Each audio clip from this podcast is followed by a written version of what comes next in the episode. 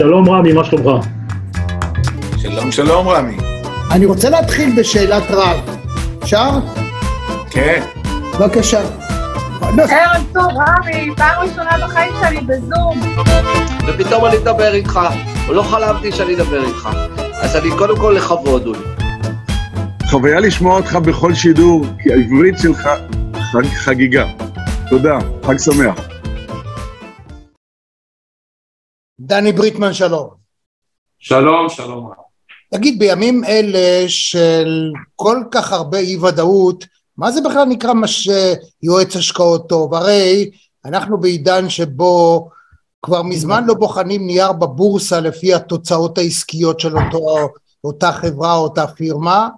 Uh, החברות שנסחרות uh, בערכים הכי גבוהים הן חברות שלפעמים אין להן בכלל הכנסות, שלא לדבר על uh, רווחים. אז איך יודעים מה זה טוב ומה זה רע, ומי יועץ טוב ומי יועץ פחות טוב? אוקיי, תראה, אה, ניכנס לקונטקסט קצת יותר רחב בהקשר לשאלה שלך, והשאלה במקום.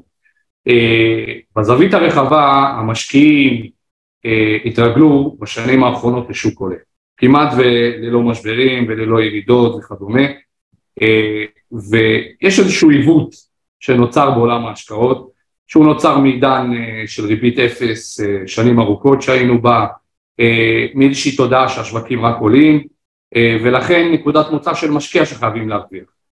בגדול ובהיבט רחב יותר זה נכון, אם אנחנו מסתכלים לאורך ההיסטוריה זה בהחלט נכון, ממוצע המדדים האמריקאים וגם הישראלים הם באזורים של 8-9 אחוז לשנה בראייה היסטורית, אבל אה, שוק ההון לא תמיד עולה, אנחנו בסופו של דבר מנהלים סיכון, לצד עליות יש גם ירידות והנה קיבלנו שנה מאוד מאוד מאתגרת בשווקים הפיננסיים, עם ירידות אה, ניכרות גם במניות וגם באגרות החוב, ואני חושב שהמוני ישראל היום רואים אה, תוצאות שהם לא התרגלו, אה, גם בקרנות הפנסיה, גם בקרנות השתלמות, גם בהשקעות סולידיות, כמו אגרות חוב, אנחנו רואים של הפסדים של למעלה עשרה אחוז, אז יועץ טוב לשאלתך הוא אחד שרואה את התמונה הגדולה ואחד שמייעץ מה נכון עבור לקוח ולא בהכרח מה שהלקוח חושב שזה מה שנכון מה שנקרא הוא יודע גם לעצור אותו מתי שצריך, הוא יודע אה, לתכנן נכון, הוא יודע לנהל סיכון נכון, זה בעיניים של יועץ טוב.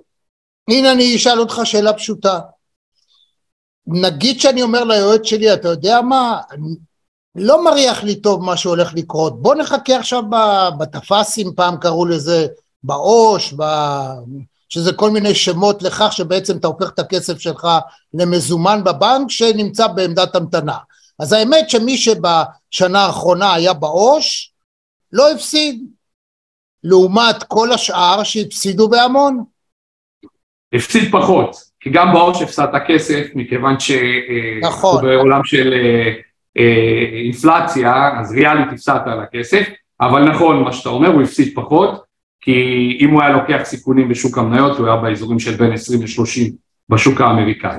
זה נכון. מי כמוך יודע שמבחינתו של המשקיע, המספר הנומינלי הוא זה בעל המשמעות. זאת אומרת, אם היה לו מיליון שקל ונשאר לו מיליון שקל, לא חשוב שהמיליון, כוח הקנייה שלהם ירד ל-960, אבל, או 950 אלף, אבל היה לו מיליון ונשאר לו מיליון, מבחינת התחושה שלו, והרי אנחנו יודעים שכסף זה תמיד תמיד תמיד גם עניין של הרגש שלך מלווה את ההשקעה עצמה, אז הוא לא הפסיד כאילו.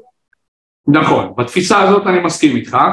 Uh, לעניין הזה, uh, כשאני נפגש עם לקוחות ומתכנן השקעות, טווח בינוני, קצר, ארוך, אבל בתכנון השקעות, uh, השאלה הראשונה, האם הלקוח צריך את כספו? Uh, ואם הוא לא צריך כספו, התשובה היא תמיד תשקיע, גם אם תרד או לא תרד, אבל תשקיע זה דבר רחב, באיזה אפיקים, באיזה מוצרים, לאיזה זמן ובאיזה רמת סיכון. עכשיו, זה דבר ראשון. דבר שני, אה, כאשר אני אומר תשקיע ותהיה בשוק כל הזמן, אנחנו לא יודעים לצפות. אנחנו באמת לא יודעים לצפות עוד יומיים מה יהיה ואפילו עוד שנה מה יהיה. עוסקים בתחזיות, זה המקצוע. אבל המטרה היא באמת באמת ללוות את הלקוח ולייעץ עבורו מה שנכון בהיבט של אה, ניהול סיכונים. ולכן אני לא חושב שהפתרון כרגע אה, הוא לא להיות בחוץ לחלוטין, הוא להיות בשוק ולנהל נכון את הסיכון. זה כבר שאלה אחרת, כמה יותר מניות, כמה פחות מניות וכדומה, ועוד דבר אחד אני אוסיף לך, אה, אולי אה, משקיעים לא מבינים, אבל אני דווקא רואה לחיוב את מה שקרה בשנה האחרונה. אני חושב שסוף סוף יש לנו פה שוק בריא, הרבה, אה, אה, אני קורא להם בועות פיננסיות כאלה ואחרות התנפצו להם, ואנחנו מגיעים למצב שיש לנו גם בחלק הסולידי כבר מה לעשות עם הכספים, לרבות אגרות חוב מעניינות, שאפשר כבר להגיע לחמישה ושישה אחוזי תשואה. זה שוק בריא. שהיינו בעשר, חמש עשרה שנים האחרונות, שהריבית היא אפס ומניות רצות אה, ברמה לא פרופורציונלית, זה שוק לא בריא וזה יוצר תודעה כוזבת.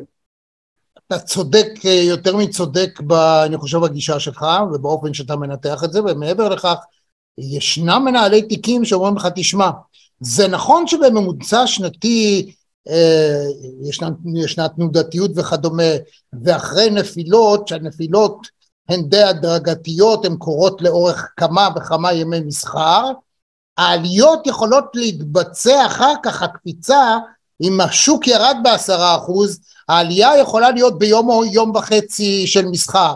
דהיינו, אם אתה בחוץ ואתה מחכה ואתה אומר נחכה לימים טובים, יכול מאוד להיות שתפספס את החזרה למצב המקורי. מה אתה אומר? יפה. אז שתי דברים. קודם כל, היה לנו פה מקרה לפני שבועיים, אה, יום חמישי, לא זה אחד לפניו, אה, הנסדק, שהוא המנוע של הטכנולוגיות וכדומה של חברות הטכנולוגיות, עלה ביום שבעה אחוזים. דבר שלא קרה הרבה הרבה זמן ומאוד מאוד נדיר, אז יום אחד פספסת כזאת עלייה, פספסת הרבה מהצעות. במדגם סטטיסטי, שאם אנחנו בוחנים שנים רבות אחורה, על זה תמיד תמיד, ואני מאוד מאמין בזה, אם פספסת את שבעה או שמונה ימי המסחר הגדולים באותה שנה, פספסת את מרבית התשואה באותה שנה, ולכן אין לזגזג, אין אפס ומאה בשוק ההון, אלא להיות בשוק ולנהל סיכון, כל עוד אתה לא צריך את כספך. יפה מאוד. עכשיו בוא נדבר קצת על הנושא של ההבדלים בין אה, ההשקעות השונות. זאת אומרת, כאשר אתה יושב עם אה, לקוח או אתה מכשיר יועצים, איך הם מראיינים ויודעים להגיע לכלל החלטה איזה סוג של לקוח לפניהם. זאת אומרת, כולם רוצים להרוויח, כולם יגידו לך אני לא רוצה סיכון אבל אני רוצה מקסימום רווח, מינימום סיכון במקסימום רווח. איך אתה מאפיין את אופיו של המשקיע ומידת נכונותו האמיתית, לפעמים זה לא מה שהוא אומר אלא מה הוא מרגיש או מה יצפה לך אם חלילה הוא אומר לך כן כן לך כנס תעשה תביא לי אבל מכה הכי קטנה הוא מתחיל לנדנד לך בבוקר ואחר הצהריים ובלילה והשכם בבוקר. יפה אז ככה, אה, המכלול בסופו של דבר לתשובה הזאת זו הבנה מאוד מאוד פשוטה. בסופו של יום הצלחה בהשקעות זה 75% מנטלי. היכולת הפסיכולוגית של משקיע וגם יועץ דרך אגב, גם יועץ בסופו של דבר, לפחות בשירות שלי הוא בשר ודם, נכון יש algo trading וכאלה שזה יועצים אה, או, או, או מכשירי מסחר אה, רובוטיים, אבל בעבודה שלנו כיועצים מול לקוחות שתי הצדדים הם בשר ודם אבל בסופו של עניין צריך קודם כל להבין 75% מההצלחה זה מנטליות. עכשיו בהיבט הזה זה ניסיון, קודם כל ניסיון, גם שלך כיועץ שעבר משברים, עבר עליות, יודע לחיות עם תאוות בצע ולנהל אותה וגם יודע לחיות עם משברים ולנהל אותם כיועץ.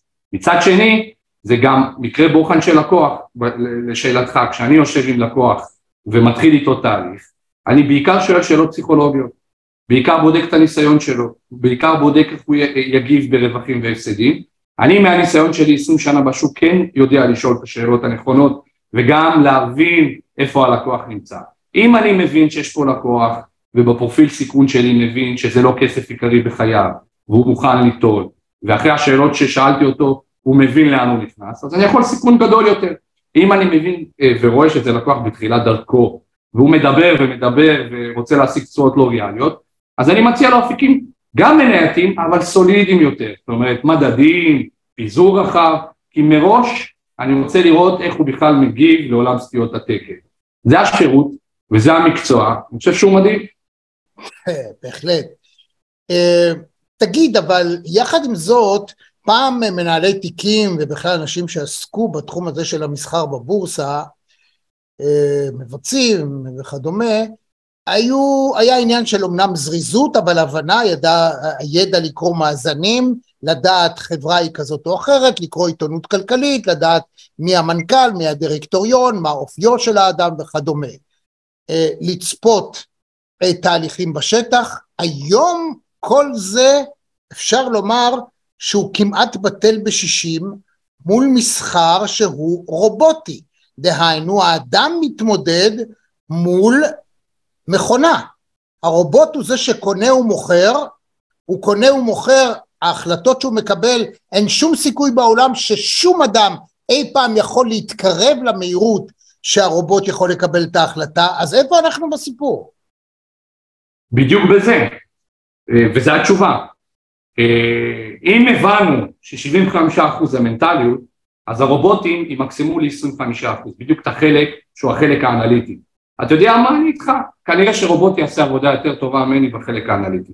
לגמרי. הוא יסרוק את הדוחות, הוא יבדוק את המאזנים הרבה יותר טוב ממני, יש לי מגבלות.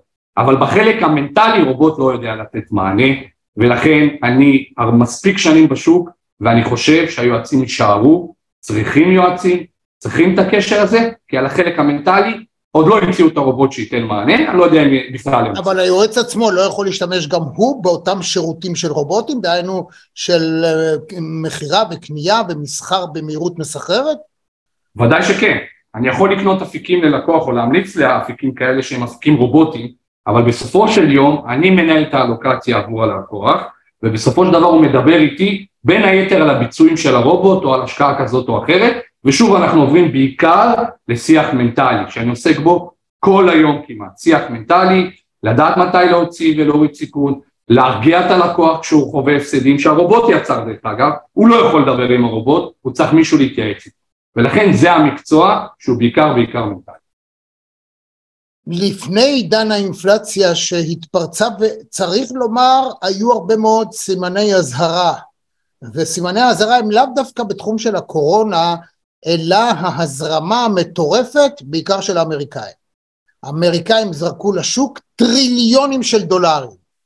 סכומים שהם, פעם עוד בתי הדפוס עמדו והדפיסו את הדולרים, עכשיו זה בסך הכל שורה במחשב, ככה זה מתנהל היום, הרי אתה לא צריך אפילו כסף מזומן, יש מדינות בעולם אגב, שכסף מזומן היום לא מקבלים, נגיד בסין, בסקנדינביה, אפילו קבצנים עומדים ואתה יכול לתת להם אה, נדבה, אתה לא תיתן להם במזומן, אין לו מה לעשות עם זה, הוא לא יכול לקנות כלום, אלא אתה שם לו את האפל פיי או אה, גוגל פיי, מה שזה לא יהיה.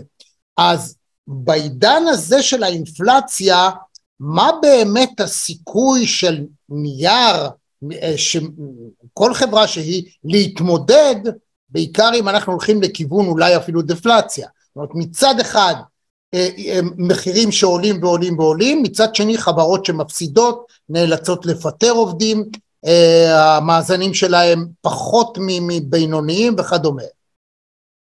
אז ראשית אנחנו כבר שם, אנחנו לפי התחזיות שלי ולפי מה שאני מבין, דיפלציה בואכה מתחילה להגיע ואנחנו כנראה ניכנס להאטה כלכלית ומיתון, חלק מהמדינות כבר שם, ארה"ב בדרך לשם ב-2023. אה, השורה התחתונה היא מאוד מאוד פשוטה, כל החלומות של המשקיעים על חברות חלום מה שנקרא, שיש להם מוצר אבל אין להם גיבוי אה, אמיתי ברמת רווחים ומאזנים, לא ישרדו נקודה או שיהיה להם מאוד, הרבה יותר קשה לשרוד. אני אנסה רגע להסביר לך, תראה, ב-2021 הייתה גאות אה, מאוד מאוד חריגה בשוק ההנפקות, אה, ובואו נדבר עלינו כחבור, כישראלים, מגזר הייטק פה פורח, גייס כספים, אה, באמת באמת אה, כמו כלום, כמו שאתה אומר, הדפסות וכדומה, מה ביקשת קיבלת, אני מניח שהמאזינים שלנו מכירים חברות כמו Monday ו Fiverr ועוד ועוד ועוד. בסופו של יום, שוק ההון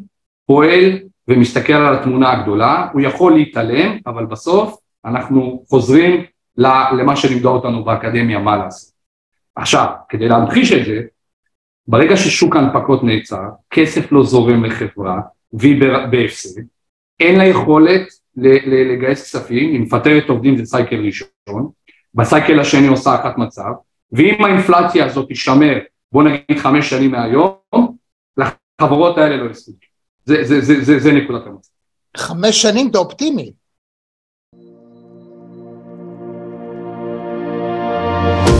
גבירותיי ורבותיי מאזינות ומאזינים, אני רמי יצהר, ואני שמח, גאו מאושר לארח היום את גדי לבנה, שמעון שווה שלום, ניב גלבוע, דני יתום, שלום, שלום וברכה, זה כאילו שתקעתי גול.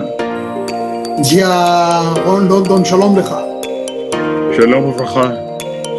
סימי ריגה, how are you sir?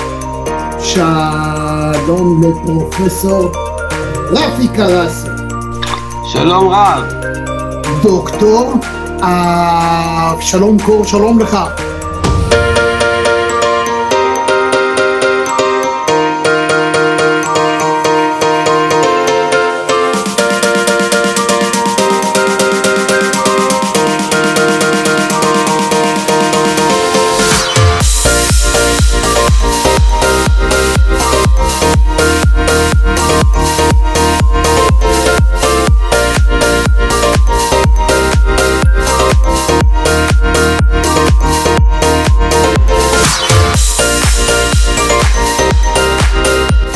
רמי, אהלן רמי, תקשיב, אני אחוז התרגשות, אני שומע אותך שנים רבות וארוכות בפינות הספורט בבוקר, בגלי צה"ל.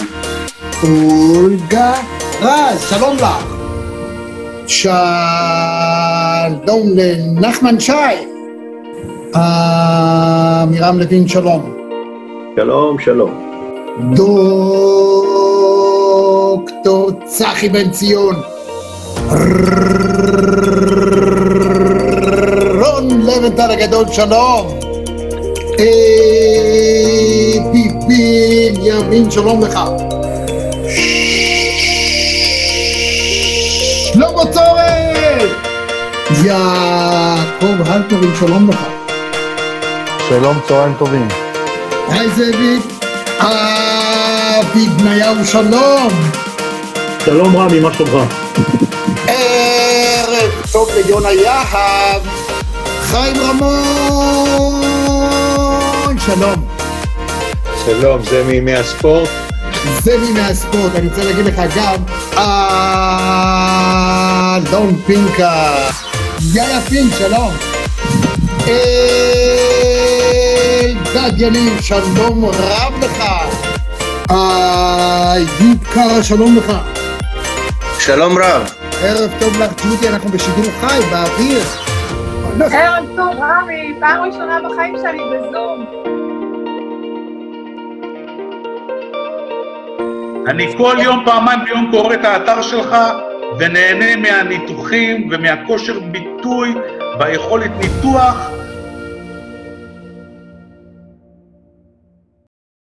תראה, אה, כרגע מאוד רוצים להאמין שב-2024, אה, זה כרגע התחזיות, זה מה שהשוק מגלם, אנחנו חוזרים ליעד. זה כרגע מה שמגולם בשוק, אה, משמע אינפלציה אזורים של 1 עד 3, זה כרגע מה שמגולם. אה, וב-2023, אה, ב-24 1 עד 3, 23 אנחנו צריכים לראות האטה.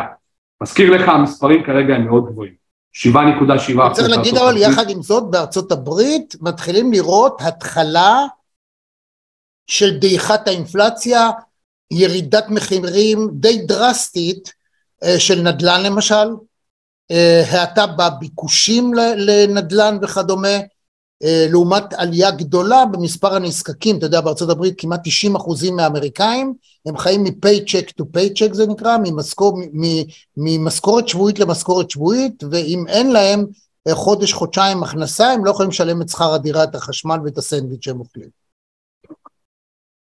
שאלת השאלות זה לא אם האינפלציה תאט, לכמה. זאת אומרת, אנחנו היום ב-7.7 אחוז, זו הייתה איזושהי סיבה לחגיגה בוול סטריט לפני שבועיים, אבל צריך רגע להירגע ולהבין שזה אזורים מאוד מאוד מאוד גבוהים, וגם אם האינפלציה תגיע לחמישה אחוז ולארבעה וחצי אחוז שנתיים מהיום, זה אזורים לא טובים, גבוהים, אנחנו רוצים להתכנס ליעד. במידה וזה לא יקרה, אנחנו נראה פה שינוי כיוון מהותי בתמחור שווקים, הירידות האלה זה רק ההתחלה, לכן העתיד יגיד את שלו, אנחנו לא יכולים לנבא לאן זה יגיע, האטה תהיה, שאלה עד כמה.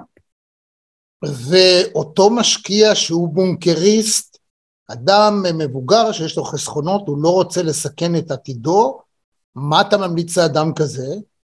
אוקיי, אז אה, מה שנקרא Welcome, יש אפיקים שבהחלט שווה אפילו יותר מהפקדונות בבנק, אפשר היום לקנות אגרות חוב ממשלתיות צמודות מדד, אתה שומר עליך כסף בוודאות ומקבל אולי גם איזושהי תוספת, אה, אפשר לקנות ריבית משתנה, זה אומר שאם הריבית תמשיך לעלות אתה תהנה מזה, אה, בעצם בוא נגיד הפוך, ממה שהבנק מרוויח אותו משקיע יכול להרוויח, כי אם הריבית עולה תשקיע בריבית עולה, אם הבנק מרוויח מהצמדה למדד תשקיע בהצמדה למדד, אל תיקח הרפתקאות מהטעות, שמור עליך כסף ותהנה מהמגמה.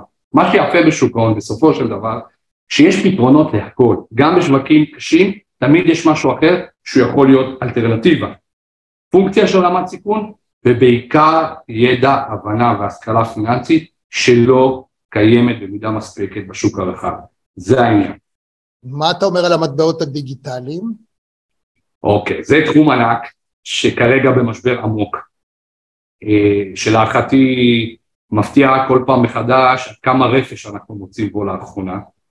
אה, הוא, לא מפתיע, ש... הוא לא מפתיע את מי שמלכתחילה לא האמין, אה, לדוגמה יושב מולך מישהו שהזהיר כל הזמן שהדבר הזה, אני לא מדבר רק על הנוכלים, אני מדבר על כך שמי שהגה את הרעיון במידה רבה מאוד תפיסת עולם שהנחתה גם את הקומוניזם. בוא נעשה לנו איזה משחק שיהיה לכולם ויהיה נחמד וכל אחד ייתן כפי יכולתו ויקבל כפי צרכיו, אז בואו לא נהיה עבדים של הממשלות שלנו, אבל בכסף בעיקר בכלכלה זה לא עובד, מפני שאם הרגולציה מתי שהיא רוצה יכולה לסגור ולהגיד לך סתלק מפה וכשאתה לא עובד באופן מסודר אז כל אחד יכול לחדור ולגנוב את מה ש... דברים מדהימים שקרו. אז אם סין בהתחלה עשתה את זה הייתה שותפה לעניין כדי לדפוק את האמריקאים, בסוף היא הראשונה שיצאה ודפקה את כל האנשים, ואנחנו רואים גנבות בעשרות מיליארדי דולרים. אנחנו רואים בחור צעיר, פרשה שרק עכשיו התפוצצה, שגנב יותר כסף ממיידורף. זאת אומרת, האיש הזה לקח 33 מיליארד דולר, מחק והכל בשרשור, הכל באוונטה, זה כלום ושום דבר. מלכתחילה לא היה שם כלום. עכשיו היום כבר הכל מנותח ויודעים כיצד זה נעשה, ובכל זאת, גם הבנק המרכזי של יפן וגם האמריקאים וגם החברות המרכזיות בארצות הברית שעוסקות בהשקעה היו שותפות לעניין הזה, כל אחד מהם הצליח לברוח בזמן ולעשות הון עתק של כסף, ומי נדפק? הפריירים. תראה, אני אגיד לך את עמדתי כמובן, זה לכל אחד יש את העמדות וכדומה ו- וזה בסדר גמור. אני חושב שצריך לעשות הפרדה בין שתי דברים, כשאנחנו מדברים על העולם החדש של הקריפטו, בסופו של דבר זה 14 שנים, זה תחום חדש מול 400 שנים של אה, בנקאות אה, מסורתית נקרא.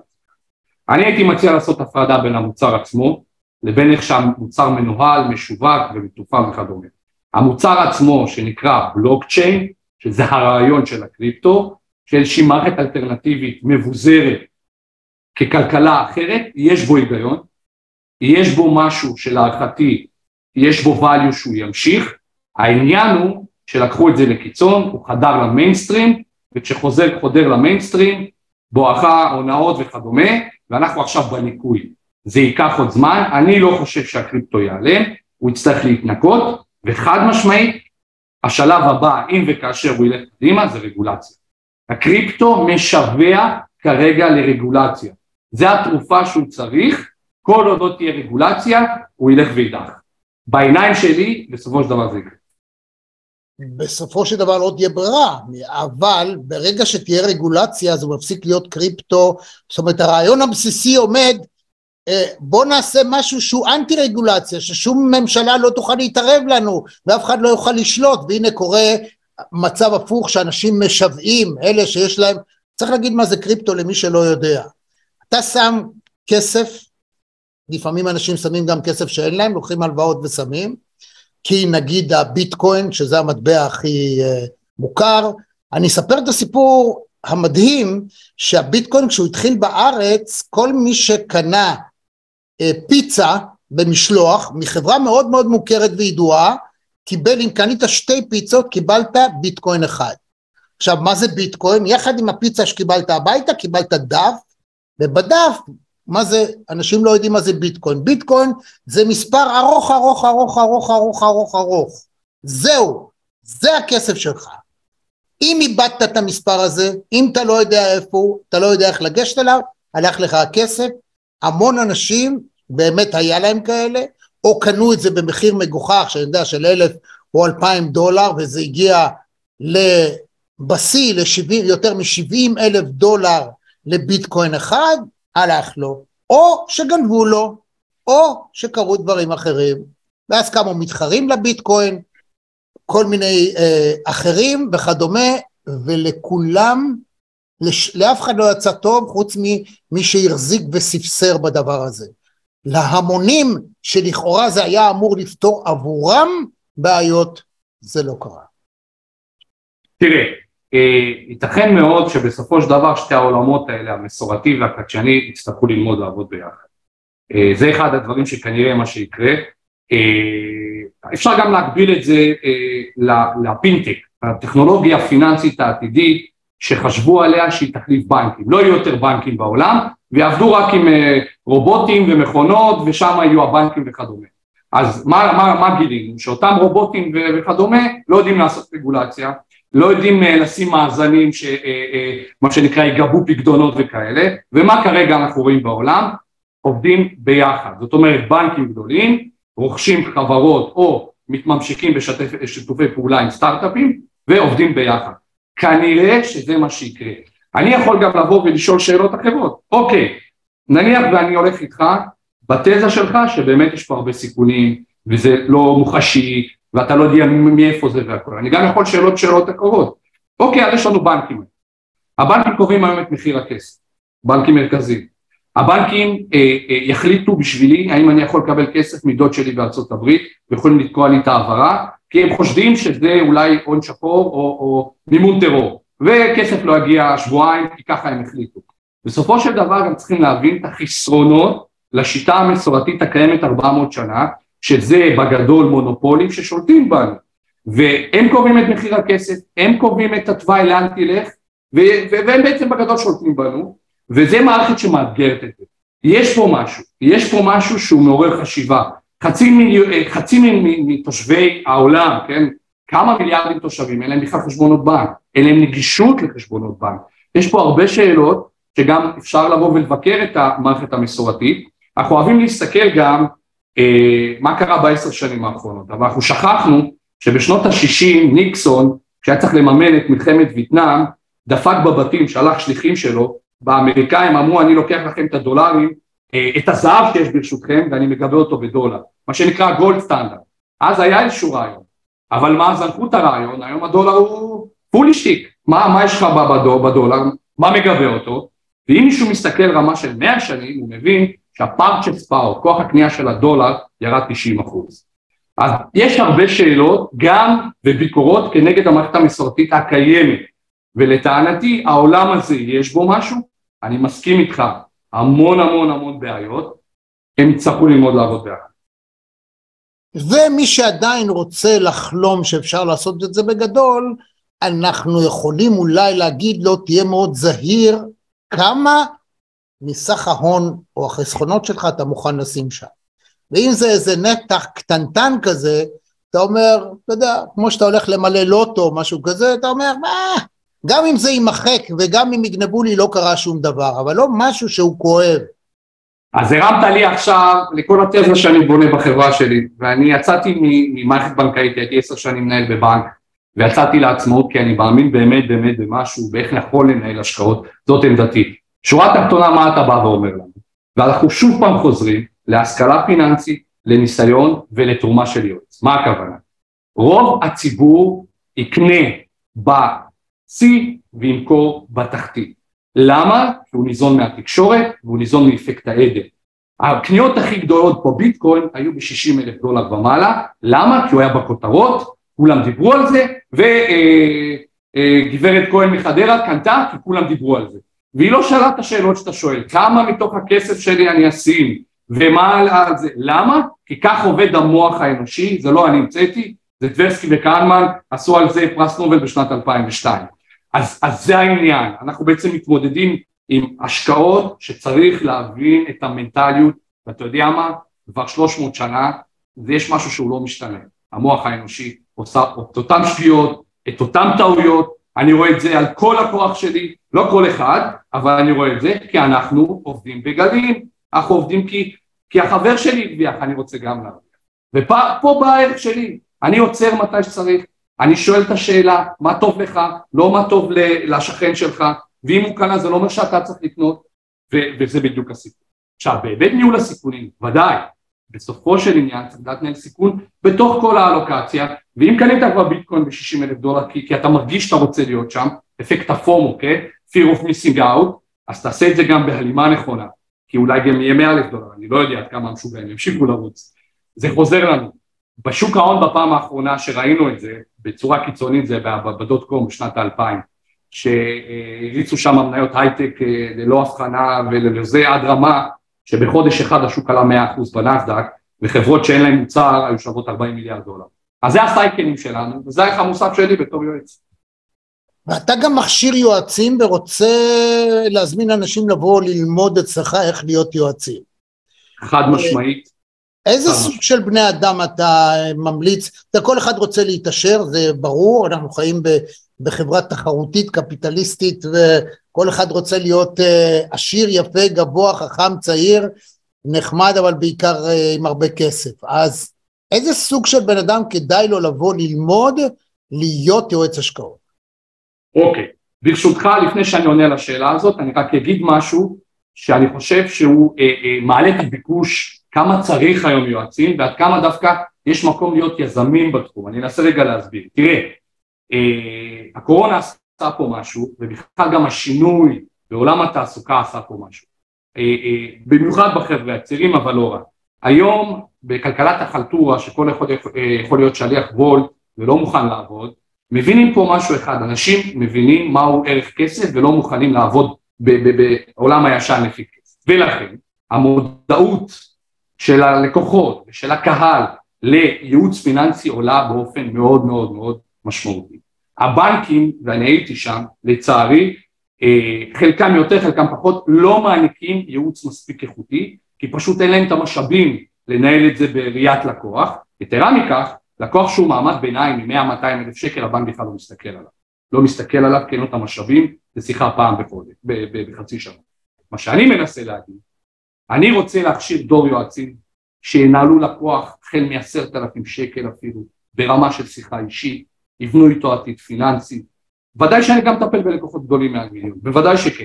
יש היום מסלול הכשרה שאפשר לגשת למבחנים של רשות ניירות ערך, לעבור התמחות, מי שרוצה להיות שכיר בבקשה, מי שרוצה להיות יזם איתי ולפתוח זכיינות ולעשות סטאז' אצלנו בחברה מוזמן, אני חושב שזה מקצוע עתיד, בהפוך על הפוך, יצטרכו אנשים כמונו, יצטרכו יועצים בשר ודם, ומה שלא ילך הרובוטים יגיע אליי. דני בריטמן, זה ממש uh, הגעת לנקודה אופטימלית לסיים את השיחה הזאת, אם אהבתם אותה, מצא חן בעיניכם, תעשו לייק, אפילו תלחצו על הפעמון ותקבלו דיווח, uh, ככה איזה קריאה קטנה לקראת הרעיון הבא שלנו, אתה רעיון מספר 181 כאן במרכזי TV, שיחות בענייני היום וברומו של עולם, היה קרב גדול להתארח ולארח אותך, אני חושב שהתעשרנו, לא בכסף, אבל בידע מאוד משמעותי, משפט סיכום שלך לרעיון הזה, מצא חן בעיניך?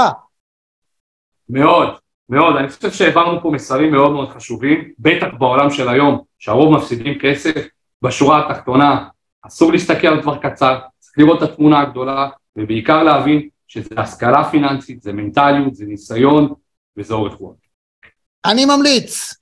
אז כאמור, למטה גם יהיה לכם לינק, והכל יהיה בסדר. דני בריטמן, תודה רבה לך. תודה רבה לך. היה מצוין, תודה. להתראות. להתראות.